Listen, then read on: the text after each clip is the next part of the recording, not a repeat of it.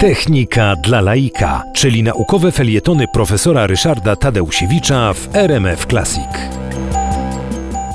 To jest e, efekt przystosowania roślin, a konkretnie zbóż, e, które zostały pierwotnie przez człowieka wykorzystane w Mezopotamii, to znaczy w Międzyrzeczu, Babilonii. E, Tam pierwszy raz zagospodarowano najpierw dzikie trawy, no a potem specjalnie hodowane gatunki zbóż, no do tego, żeby wypiekać chleb, mieć z tego mąkę, mieć z tego kaszę. Y, W miarę jak pojawiała się wędrówka ludów i te ludy z mm, północnej Afryki przemieszczały się w głąb y, Azji, przemieszczały się w głąb y, Europy, trafiały do coraz chłodniejszego klimatu, pojawiał się problem z tymi zbożami. Oni brali oczywiście ze sobą zasoby zbóż, wysiewali je także, no i pojawiały się problemy dwa. Y, Po pierwsze, y, czas trwania dnia tutaj w tych północnych regionach no, jest ogólnie rzecz biorąc średnio krótszy niż, niż y, w Mezopotamii, kiedy te zboża były przystosowane, a więc mają mniej czasu na zgromadzenie substancji zapasowych, no a w końcu przecież o to nam chodzi, żeby te zboża zgromadziły w swoich ziarnach skrobie, z której zrobimy sobie bułki, chleby czy ciasteczka. Natomiast druga sprawa była taka, że po prostu tego czasu najzwyczajniej w świecie nie starczało. I w związku z tym w pewnym momencie, dokładnie nie wiadomo kiedy, y, zboża przystosowały się do tego. One miały czas, bo wędrówka ludów trwała przez całe pokolenia, to, to były dziesiątki i setki lat. Te zboża przystosowywały się do funkcjonowania w coraz y, gorszych warunkach klimatycznych, ale nie mogły przezwyciężyć jednego problemu.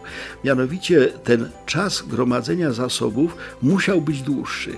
Y, Nasze lato jest zbyt krótkie w stosunku do potrzeb roślin typu, typu zboża, żeby w tym czasie dało się zgromadzić wystarczająco dużo y, wartościowych substancji. Owszem, y, wysiewamy tak zwane zboża jare, ale one zawsze bardzo słabo plonują. Natomiast zboża o zimę nauczyły się rzeczy dwóch. Y, Pierwsze to to, że można przetrwać zimę i przez ten czas mieć jak gdyby więcej czasu na rozwój, na gromadzenie substancji odżywczych, na tworzenie zawiązków, a potem ziaren, no, które my potem pozyskujemy zarówno jako ziarna siewne, ale przede wszystkim jako y, podstawę y, do naszego wyżywienia. I druga rzecz, która się stała bardzo ciekawa, mianowicie te zboża w Mezopotamii i w innych krajach południowych y, mrozu nie znały.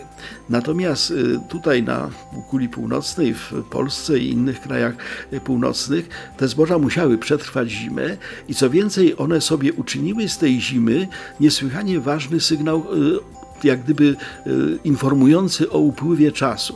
E, Roślina słońca nie widzi, przynajmniej nie bezpośrednio, e, na kalendarzu się nie zna, ale temperaturę odczuwa, no bo to jednak na wszystkie procesy w tej roślinie wpływa. W związku z tym zboża o zimę nie zakwitną, czyli nie wydadzą plonów, jeśli nie przejdą mrozów. To jest duże niebezpieczeństwo, jeżeli mamy ciepłe zimy, dlatego że y, oziminy wysiane jesienią, jeśli w zimie nie będzie mrozu, nie zakwitną, nie dadzą plonów.